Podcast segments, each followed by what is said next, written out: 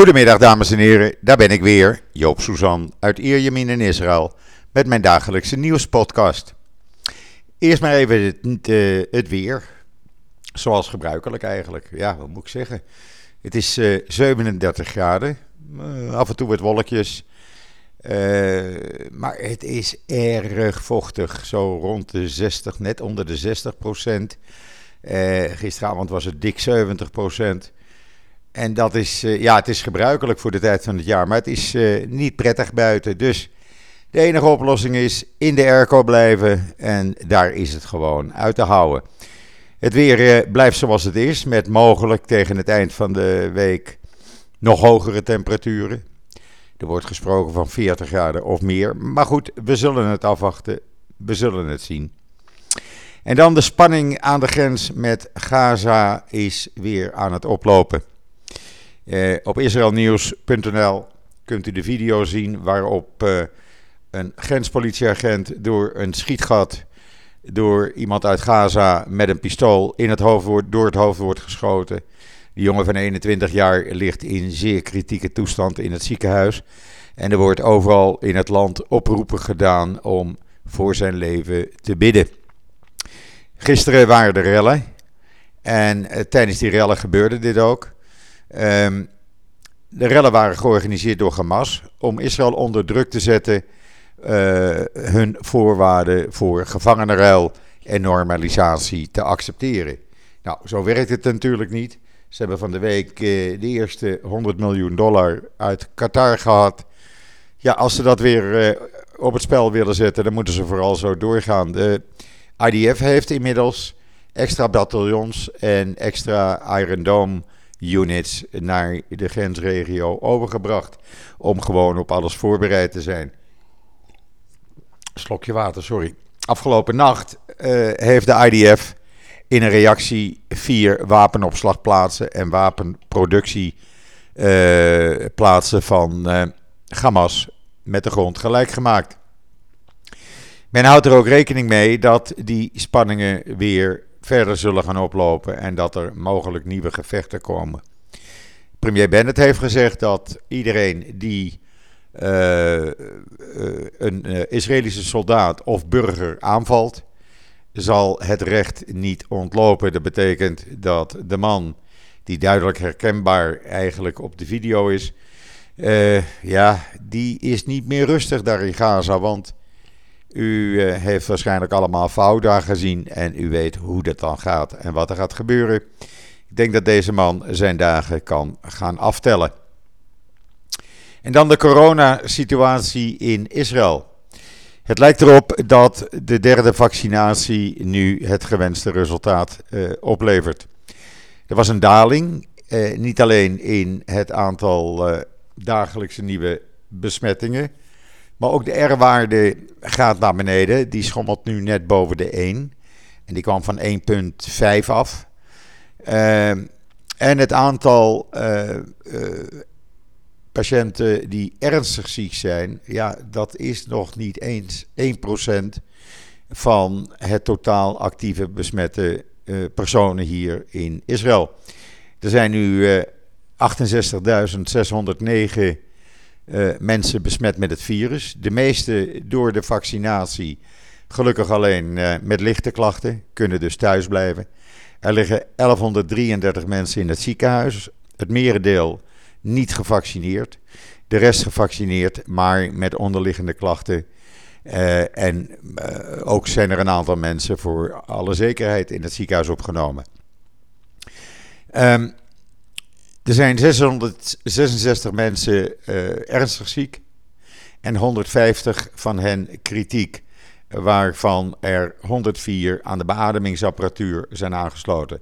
In twee dagen, de afgelopen twee dagen, vrijdag en zaterdag, is er slechts één patiënt bijgekomen bij het aantal kritieken. Het dodental blijft wel stijgen en dat is nu 6782. Er zijn de afgelopen nacht, of afgelopen 24 uur, dus op zaterdag, 15 eh, mensen overleden. Uh, alleen al in het Barzilai ziekenhuis, die maakte melding dat er bij hen in het ziekenhuis drie niet gevaccineerde patiënten in één dag overleden. En als u op Israël Nieuws kijkt, israelnieuws.nl, daar staat een link naar een artikel in de Times of Israel. Uh, en dat, uh, ja, dat is best confronterend. Daar vertellen twee verpleegsters wat zij meemaken tijdens de laatste momenten van een uh, stervende coronapatiënt.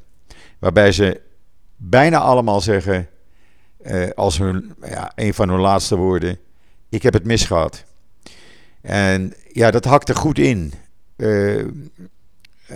Die verpleegsters die vertellen gewoon wat ze meemaken. Zij zijn de laatste mensen die er dan bij zijn. familie kan er niet bij vanwege besmettingen. En uh, ja, zij houden de hand vast en begeleiden de patiënten naar hun dood.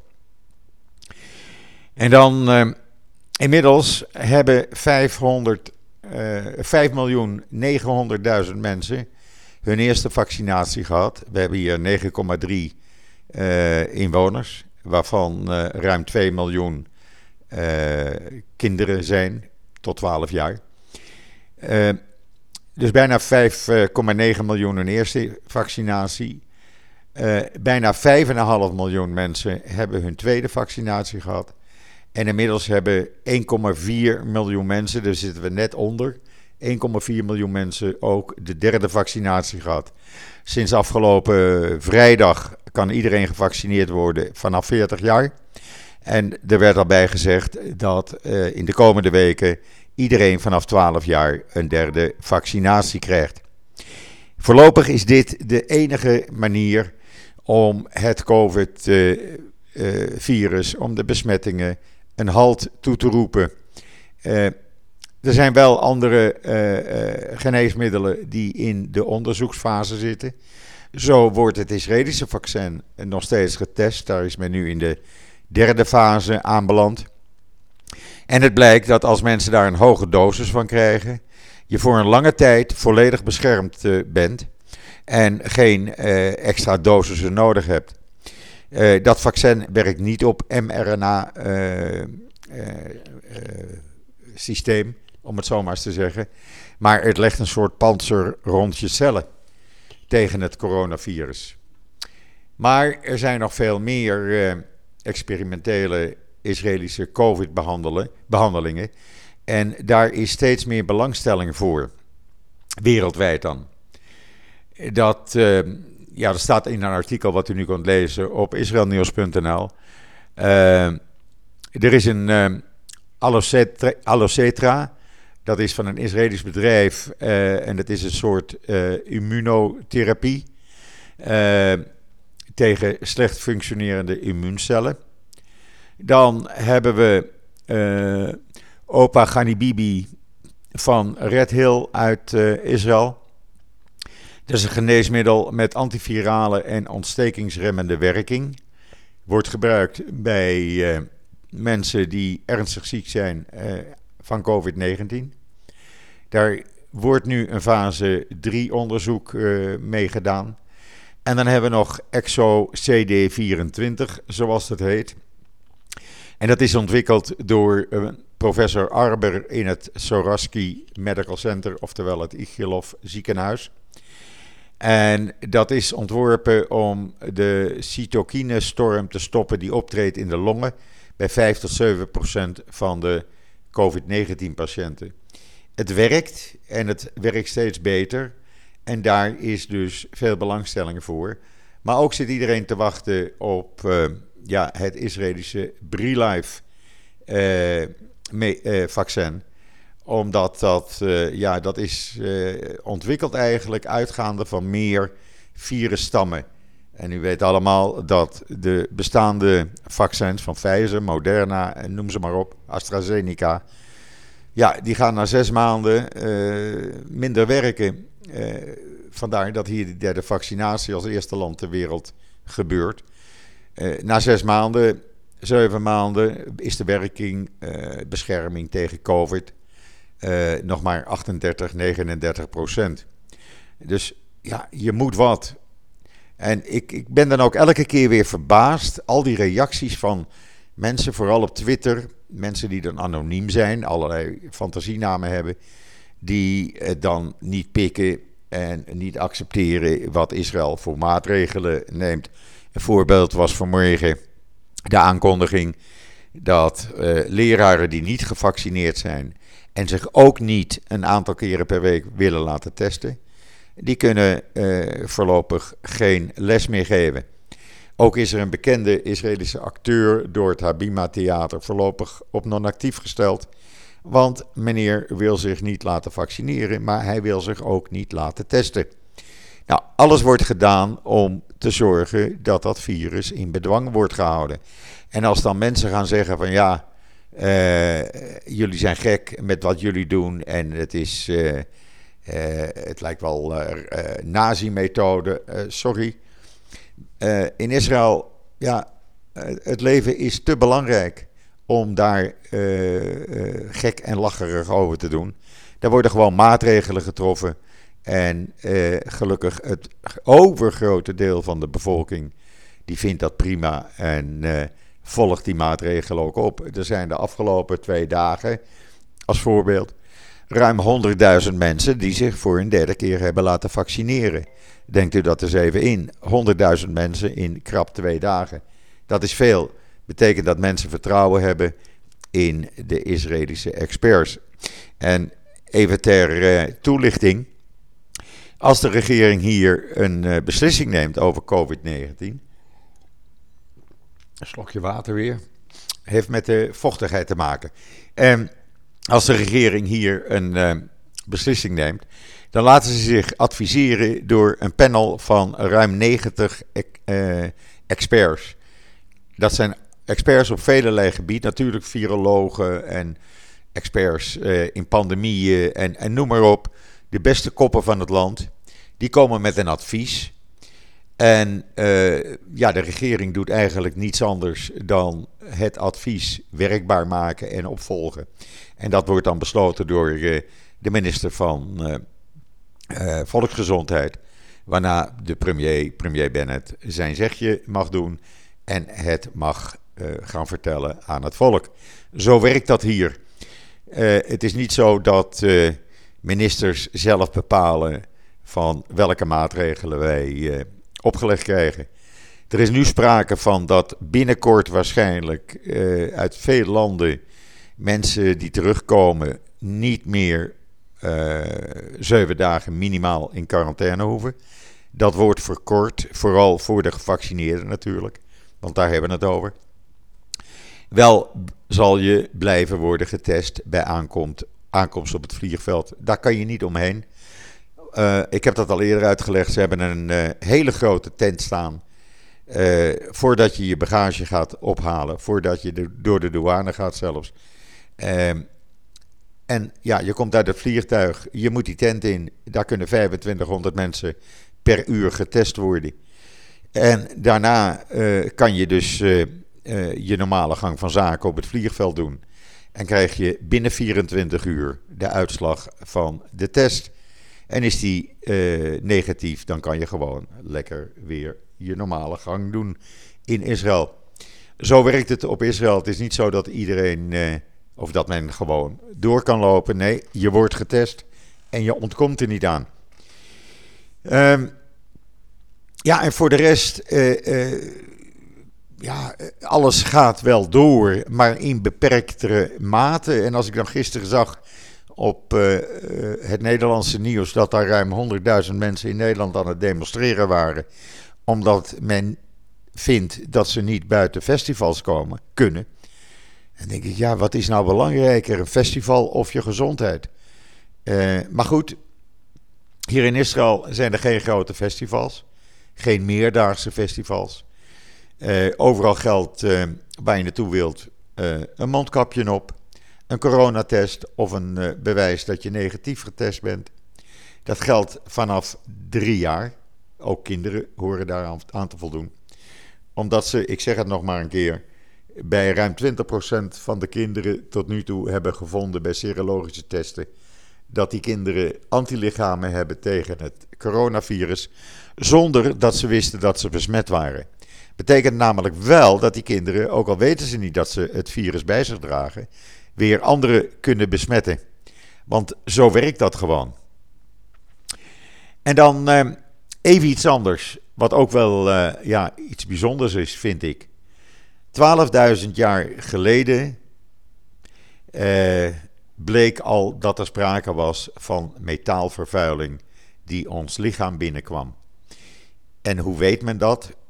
Bij onderzoek op een 12.000 jaar oude begraafplaats uh, door de Hebreeuwse Universiteit van Jeruzalem. En die begraafplaats ligt in midden-Italië. En daar heeft men de botten en alles wat men daar vond onderzocht. En het bleek dat mensen werden blootgesteld aan toxisch lood. Uh, het hele verhaal staat op uh, israelnieuws.nl natuurlijk. Uh, we krijgen daar de persberichten van. En ja, dat is toch wel bijzonder dat er toen al, in die hele oude tijd, sprake was van loodvergiftiging. En dan het initiatief van de overleden vrouw van de vroegere president Rivlin, Negama Rivlin. Dat is overgenomen door de botanische tuinen van Jeruzalem. En wat willen die? Dat initiatief is namelijk dat Israëli's zaden gaan planten van uh, inheemse wilde bloemen. Om die weer terug te brengen in de regio. Die zijn zo'n beetje uh, verloren gegaan. En je kan nu dus uh, de zaden bestellen bij die organisatie. en ja, op je balkon, op je terras, in je tuin de hele oude wilde bloemen weer terugbrengen in al hun kleuren en geuren. En dat is toch wel een bijzonder project. De Gama Riflin was daar erg bij betrokken. Want ze was ook een aantal dagen per week gewoon in die botanische tuinen te vinden. Terwijl haar man president was. En dan ging ze lekker aan het werk.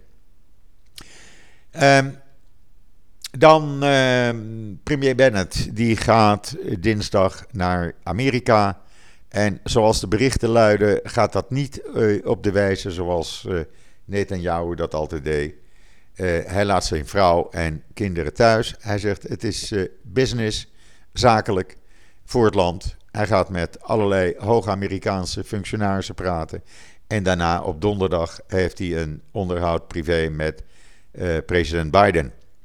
Als hij terugkomt op vrijdagmorgen, dan staat uh, mevrouw Angela Merkel al op hem te wachten. Want die is vrijdag hier om afscheid te nemen van uh, de Israëlische regering, de president, de vorige president. want zij treedt binnenkort af en heeft Israël op de lijst van landen gezet waar ze nog even naartoe wilde. En daarna, dat zal ergens na de Joodse feestdagen zijn, verwacht ik. Uh, of misschien tussen uh, Grote Verzoendag en het Loofhuttenfeest. Gaat Bennett uh, op uitnodiging van de Egyptische president een dagje naar Cairo. Dat is iets bijzonders, want zo vaak gebeurt dat niet. Dat die president Sisi iemand uitnodigt. Er zijn wel, zegt men, geheime gesprekken heel af en toe geweest tussen Netanyahu en hem. Maar dat het publiekelijk werd aangekondigd in de kranten, op het tv, in Egypte. Ja, dat toont toch wel aan dat uh, president Sisi uh, vertrouwen heeft in deze nieuwe regering. Ja, en uh, dan is het zondag, het begin van een nieuwe werkweek hier in Israël. En waar ik me dan altijd op verheug, dat is dan niet op het strand, want dat heb ik gistermorgen gedaan heerlijke strandwandeling gemaakt met de hond van een kilometer of vier, vijf. Uh, heel vroeg, want dan was het nog niet zo warm. Maar vanavond uh, kunnen we natuurlijk weer genieten van de Nederlandse eredivisie. Die hier elke week uh, ja, als een soort studio sportachtige uitzending wordt uitgezonden. De belangrijkste wedstrijden met lange ja, video's daarvan. En de iets minder belangrijke wedstrijden, daar krijg je de doelpunten van te zien. Altijd leuk, altijd uh, prettig om te zien. Uh, alleen het commentaar is in het Ivriet. Nou, dat is geen enkel probleem.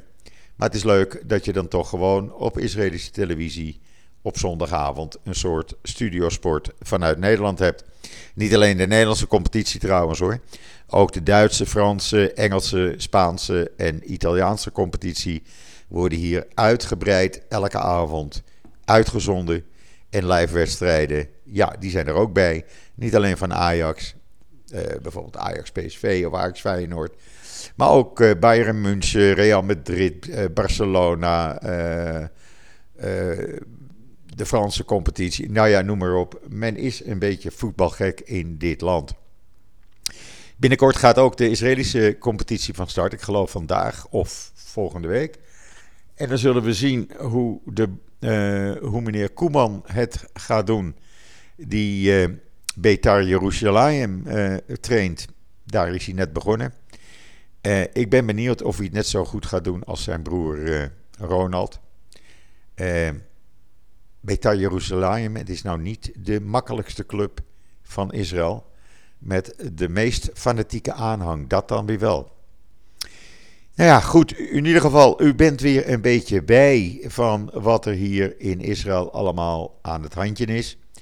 En uh, waar wij mee te maken hebben. Natuurlijk via Israël Nieuws blijft u op de hoogte. En ook via mijn Twitter-account uh, en Facebook-account. Van wat er zich hier in dit uh, warme, mooie en toch leuke landje zich elke dag afspeelt. Rest mij u nog een hele fijne voortzetting van deze zondag, de 22 augustus, toe te wensen. Wat mij betreft, ik ben er morgen weer en zeg zoals altijd: tot ziens, tot morgen.